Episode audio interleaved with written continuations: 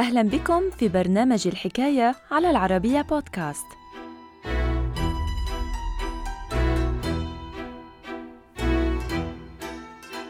بعد أن أرسلت إيطاليا قواتها نحو الشمال لمهاجمة النمساويين في ديسمبر عام 1916 تفاجأ الجنود وعلى مدار أسبوع بانهيارات ثلجية أدت إلى دفن ما لا يقل عن عشرة آلاف عسكري تحت الثلوج.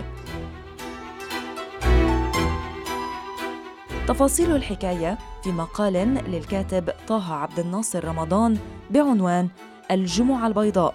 هكذا دفنت الثلوج بأيام عشرة آلاف عسكري نمساوي وإيطالي. الحكاية.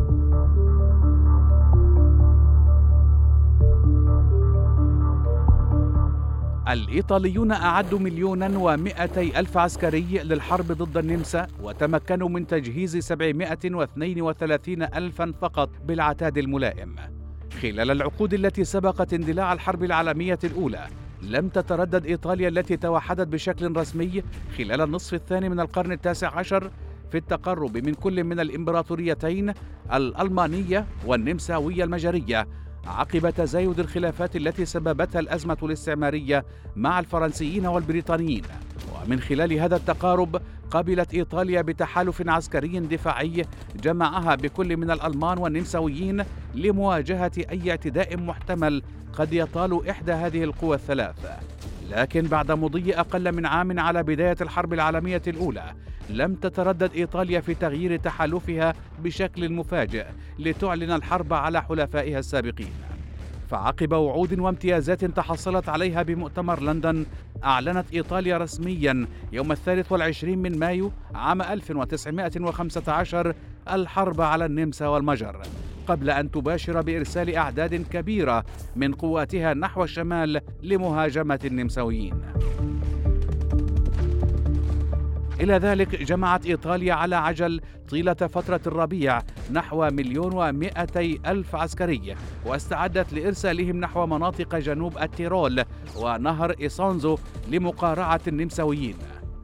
وفي الأثناء افتقر الإيطاليون للجاهزية العسكرية حيث لم تمتلك السلطات الإيطالية حينها أسلحة كافية وتمكنت فقط من تجهيز حوالي 732 ألف جندي بعتاد عسكري ملائم.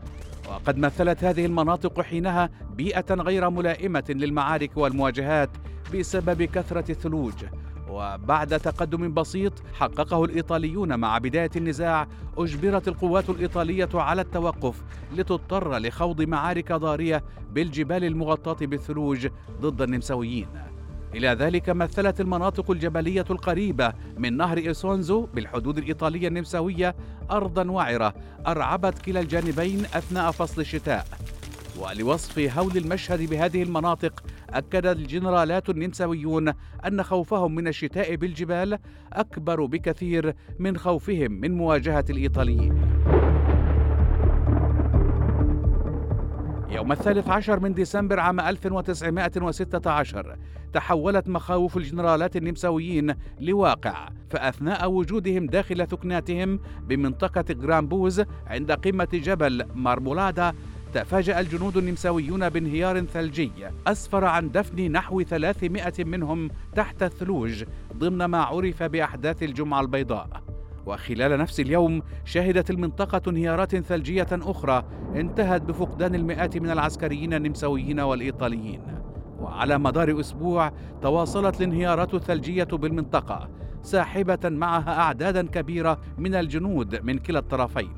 وعلى حسب المصادر النمساوية والإيطالية أسفرت هذه الكارثة الطبيعية عن دفن ما لا يقل عن عشرة آلاف عسكري تحت الثلوج.